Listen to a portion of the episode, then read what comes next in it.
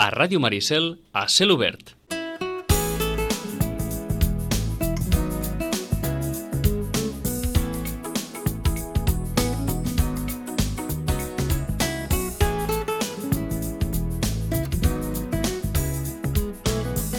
Diu el periòdico, ho explicava el mateix Stieg Larsson en una entrevista del 27 d'octubre del 2004, 14 dies abans de morir prematurament d'un infart als 50 anys. No és fins al tercer llibre quan es lliguen tots els caps i s'entén el que ha passat. Els tres llibres són històries autoconcloses, però hi ha alguna cosa més. A les novel·les de detectius corrents no hi apareixen mai les conseqüències del que passen les històries del llibre següent. A la meva sí. I diu Antonio Lozano, baixa el taló i és hora de treure's el barret. El tercer volum de Millennium, La reina al Palau dels Corrents d'Aire, arrenca en el punt exacte on el va deixar el segon. Salander i Zetjalenko són hospitalitzats després de la salvatge batalla final que posava la guinda gore a la noia que somiava un misto i un bidó de benzina, i es tanca amb unes pàgines tan rodones que donen un sentit de vertebració i encaixa un conjunt difícilment superable. Per tant, els seguidors de Stieg Larsson ja saben que demà tenen una cita ineludible a les llibreries. Rosana Lluc, bon dia i bona hora. Hola, molt bon dia. Quants n'han arribat Uh, de fet, uh, arriben aquesta tarda. aquesta tarda? Aquesta tarda. Perquè al periòdico ja apareixen les caixes obertes en algunes llibreries. Uh, sí, però, però no... no Encara un, no, eh? Hi ha una batalla legal perquè, bueno, suposo que estaran obertes, però al magatzem no es pot pas Mhm. posar a la venda fins No. demà i tot això. Uh, aquesta tarda, doncs, uh, esperem, saps, perquè els de català tenien problemes de dir, escolta, no els volem repartir perquè si no tenim, saps, un compromís amb no sé qui. Bueno, en total, a- aquesta Mhm. tarda suposem que cap al vespre, perquè el repartidor és d'aquí, Vilanova, per tant, farà, farà el tomet, saps? I després vindrà cap aquí, Oh, tot carregat, eh? Em, em sembla que en tots els anys que portem, Rosana, Sí. no havia passat res semblant un mes de juny. No, el mes de juny no. La veritat és que el Mm. juny no. Eh? Eh, sembla ser que... Sembla ara tenim aquella sensació, ahir deia un client, escolta, això sembla Harry Potter ja, eh? Sí. Un dia, una hora... Dic, no, perquè el Harry Potter, a més a més, posen l'hora, eh? Mm. Vull dir que sobre l'hora, eh? Aquí no, eh? Aquí no. Aquí vosaltres demà, demà a obrireu. 18, eh, I ells ho han fet, suposo, perquè això també crea caliu, no? Mhm. Posar una, una data concreta, doncs també dona caliu.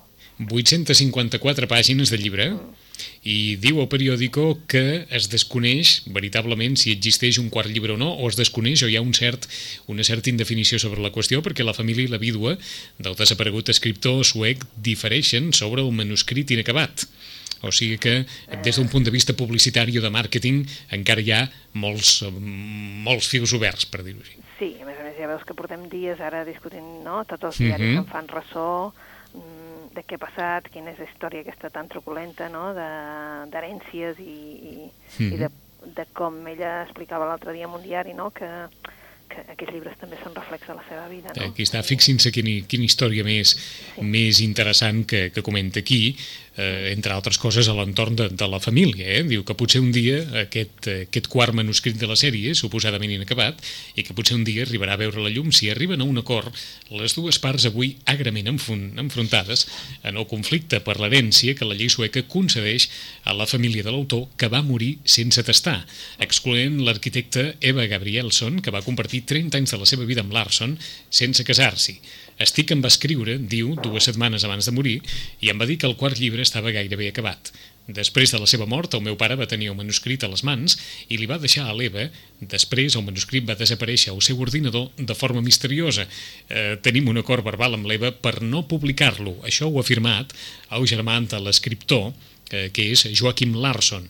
Eh, D'alguna forma, però, en Eva Gabrielson, la persona que va compartir 30 anys eh, de la vida de l'escriptor sense casar-s'hi, diu que el llibre està lluny d'estar acabat, que té unes 200 pàgines que es van escriure a finals de l'agost del 2004, dos mesos abans que Stieg Larsson morís, i que el manuscrit no es va arribar a imprimir mai.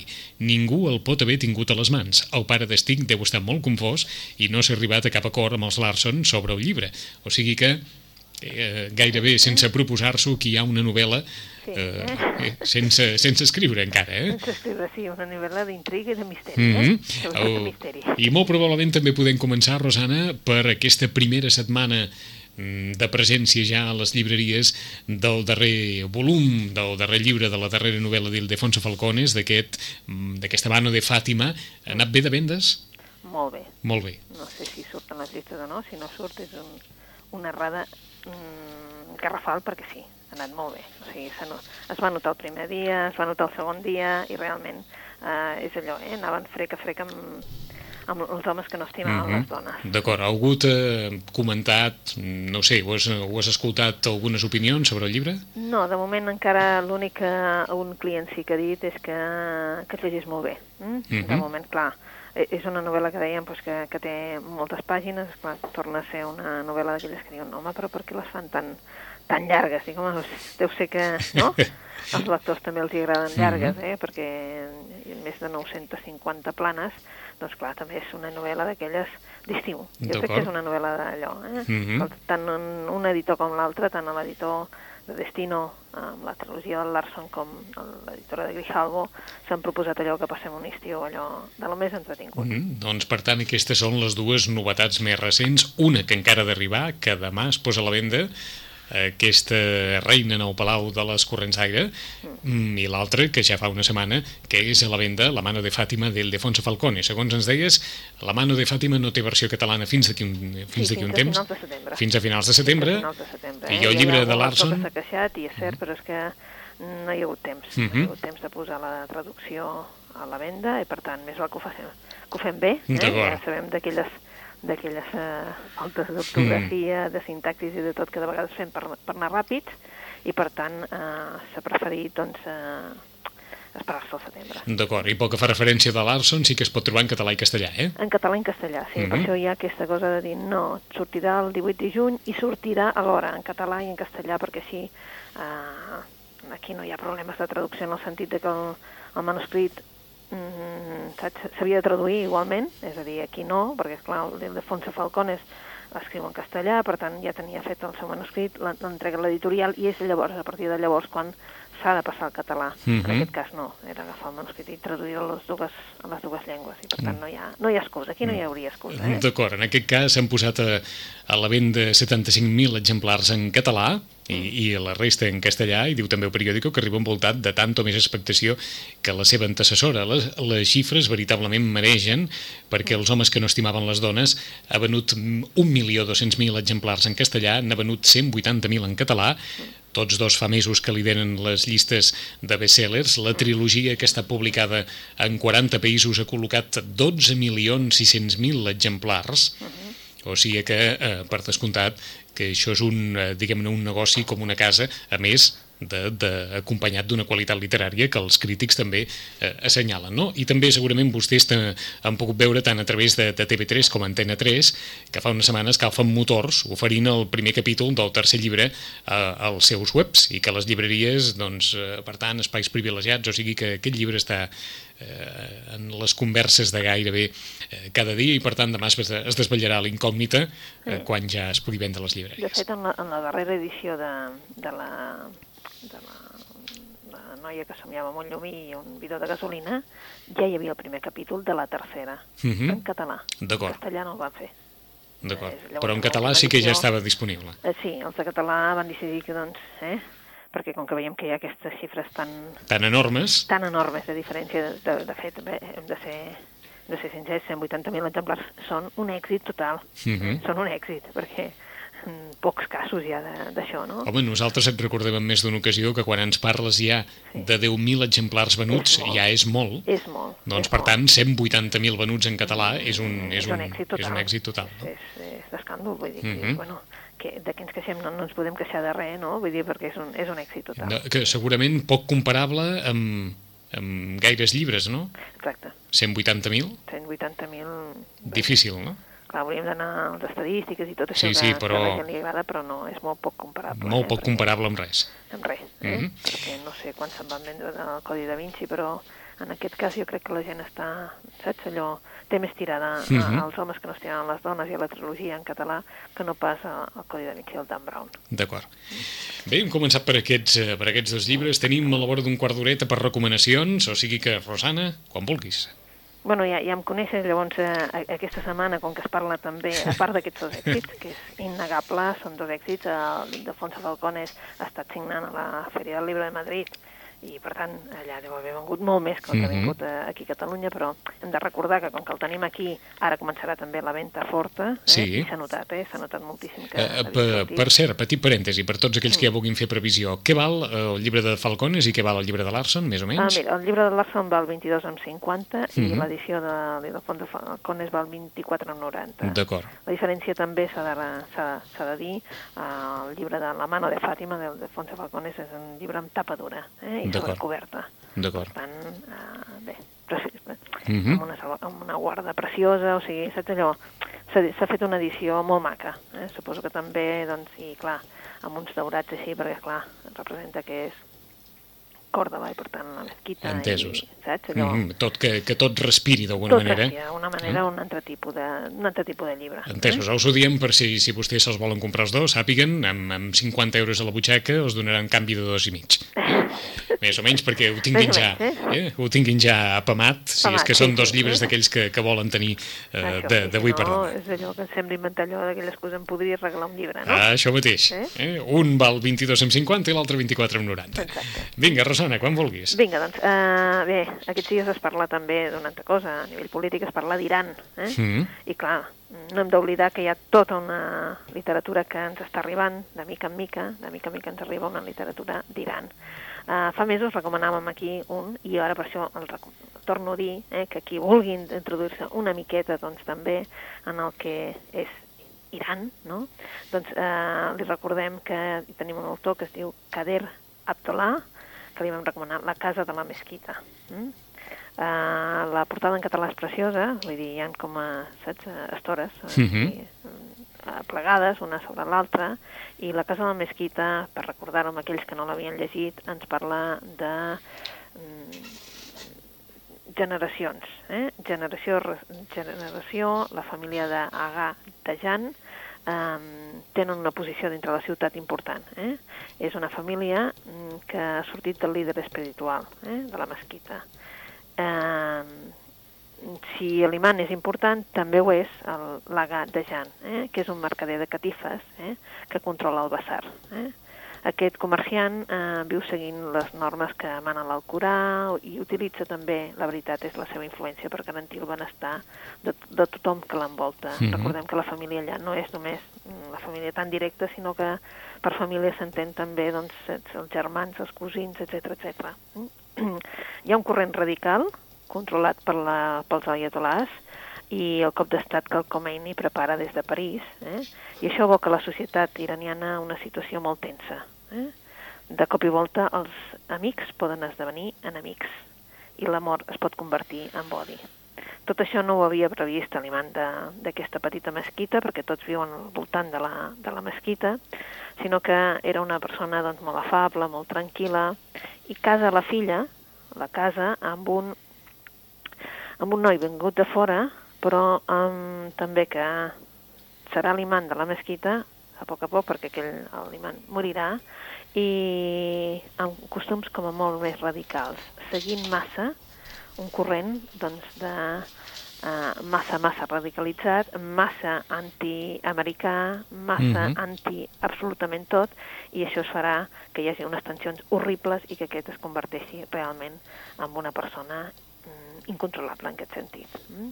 Seria una mica entendre mm, que tots aquells pobres que van eh, apoyar que tornés el Khomeini perquè volien que la societat iraniana no fos tan eh, americanitzada, tan europeïtzada, etc etc, volien acabar amb l'imperi persa del Shah, eh? doncs ara se n'adonen no? Del que els hi ve a sobre. Hi ha uns quants que ho veuen, però que en definitiva no poden fer absolutament res. Eh? Mhm. És una mica perquè veiem què està passant a, a Iran i que això, mm, evidentment, eh, quan, quan ho veiem, pensem, bueno, mm, està el, s'estan radicalitzant les postures i és perquè això ve de lluny. Eh? D'acord. De, de fet, des de l'any 79 Mhm. estan amb aquest tema pobres i és allò que... Bé, la Casa de la Mesquita és una de les lectures. El Kader Abdullah, evidentment, no viu a Iran, no podria viure-hi, Uh -huh. va haver de marxar, va haver de marxar perquè evidentment estava denunciant també situacions a través de l'escriptura i viu a Holanda. D'acord. Primera lectura recomanada d'avui, eh? la història eh? mm, la història d'un comerciant de catifes amb influència que es veu, diguem-ne, embolicat gairebé sense voler en l'islamisme radical sense poder-hi fer gran cosa. Segona. Segona, una autora no coneguda, eh, una autora de Sabadell, eh? perquè, bé, doncs era una autora també que, com el Ildefonso Balcones, també és de, de, autora de tallers literaris, que ha nascut d'un taller literari, etc. Eh? És una autora que ens porta una novel·la que es diu eh, Isola Vella. Eh? eh l'autora es diu Anna Cruzafont i la frangeta diu Mai no és tard per trobar l'amor. Eh? És una portada d'aquelles precioses que te la compraries només per la portada, eh? Mhm i és un, una trobada que marcarà les vides dels personatges. Eh? En Damià, després que en Damià els marxés de casa, la Júlia, eh? que donat que ja té 50 anys, és llicenciada en lletres, però de fet està de mestressa de casa, se n'adona que la seva vida, una vegada marxat el seu únic fill, doncs és una vida sense transcendència. Eh? Uh mhm. -huh. De cop i volta troba uns quaderns que havia escrit quan era adolescent i per ella llegir-los suposarà un enfrontament un enfrontament amb aquell passat ple de promeses i un present que, de, de, de fet, eh, és molt decebedor. Mm? Eh, això fa que, bé, com aquell que diu, trenqui el seu matrimoni, viatge cap a Estressa, un racó del nord Itàlia, on espera trobar-se a si mateixa i, de fet, reflexionar sobre aquella vida que, que va deixar i que, en definitiva, ha de buscar un futur. Eh? Allà es trobarà un personatge, el Llorenç, un home madur, atractiu, un home que ha estat actor de teatre i que està passant una temporada allà, en una casa doncs, acollidora. Mm? Què vol fer ell? Doncs vol escriure, escriure les seves experiències teatrals, però alhora vol refer-se d'un passat. I aquí doncs tenim doncs, aquesta trobada, una trobada que es fa a Isola Vela. Mm? Una novel·la d'aquestes eh, plaents, per dir-ho d'alguna manera, una novel·la de, de retrobament eh, també d'enfrontar-te amb un futur, si és que en tens, i recordar que has tingut un passat, has tingut tot un munt de coses per fer, però en definitiva vas agafar un altre camí. D'acord, no preguntarem si refà la seva vida o no, no, però perquè en qualsevol ja no cas, eh? llegir-la, no? Però, però en qualsevol cas la reflexió queda aquí. Sí, la història d'una mestressa eh? de casa... En definitiva, mm. és el reflexe de moltes, moltes, moltes dones, mm -hmm. no? Isola També Vella... molts homes, eh? Uh -huh. Però Isola Vella seria el reflexe de moltes dones que veuen que quan el niu es queda, no? Mm -hmm. Et quedes tu sola amb quan el niu. Quan es queda un niu buit, un retroba allò que havia d'haver fet o que Exacte. pensava fer i no ha pogut fer. O com a mínim eh, es troba amb el d'això de dir que exactament ha valgut la pena fer això. No és que ha valgut la pena, però sí que què va ser de la meva vida, no? De, de tots aquells desitjos que jo tenia o de totes aquelles esperances que jo volia uh -huh. Mm? Isola Vella d'Anna Cruzafont, de la Sabadellenca Anna Cruzafont, lectura també recomanada, i tercera. Tercera, bueno, aquesta és més, eh, més dura. Um, hi, ha hagut, hi ha dues editorials ara que estan fent 40 anys, 40 anys d'andanada, que són l'editorial Tosquets i l'editorial Anagrama. Uh -huh.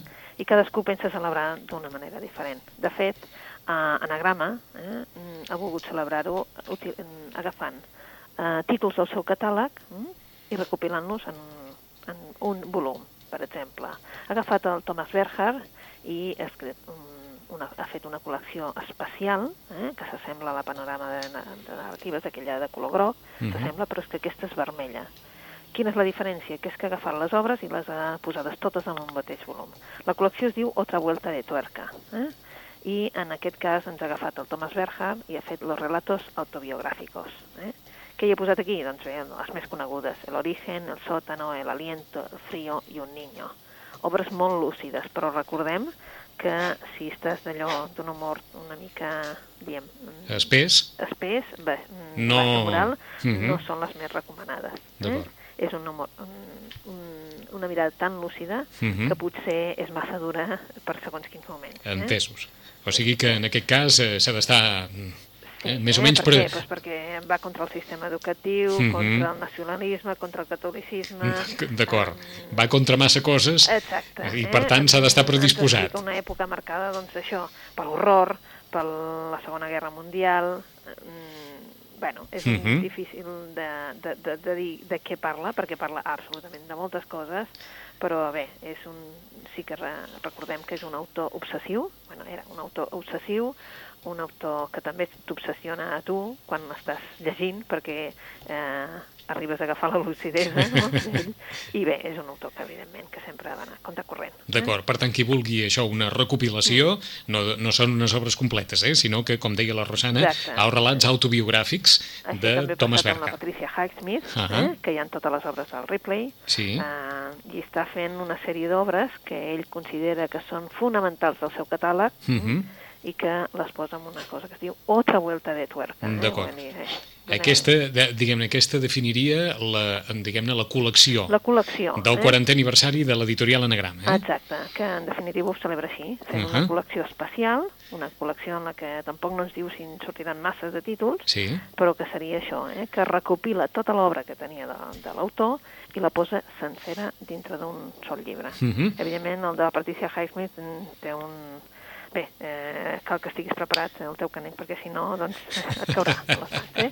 Però vaja, és, és, és una entrada... D'acord. Eh? Doncs una forma de celebrar el 40è aniversari l'editorial Anagrama a través d'aquesta col·lecció titulada Otra Vuelta de Tuerca que ofereix recopilatoris de diferents obres d'autors reconeguts de l'editorial com Thomas Berger o com Patricia Highsmith. Ha estat una de les recomanacions, l'altra, Isola Vella, d'Anna Cruz a Font, aquesta història de la, de la Júlia, una mestressa de casa que retroba els quaderns d'adolescència i per tant d'alguna forma sent aquesta frustració de no haver poder aconseguit doncs, moltes d'aquelles coses que somiava de jove i inicia un, un viatge que la durà al nord d'Itàlia on coneixerà en Llorenç, un home madur que d'alguna manera canviarà la seva vida. I per als qui es vulguin acostar d'alguna forma a la realitat de l'Iran, ara que el país és notícia cada dia, la casa de la mesquita de Kader Abdallah, la història d'aquesta família que es veu embolicada amb la part més, més radical de, de l'islamisme sense trobar la forma de poder de poder-se'n eh, escapolir. Són les tres recomanacions que ens aporta avui la Rosana en 15 dies tornarem amb més llibres i sobretot a veure si veritablement l'expectativa que hi ha a l'entorn de la darrera novel·la de Stieg Larsson, d'aquesta reina el Palau de les Corrents d'Aire, es palesa en el dia a dia i en la venda de llibres. En 15 dies en parlem. Rosana, gràcies. Gràcies a vosaltres. Fins aleshores. Adéu-siau. Adéu.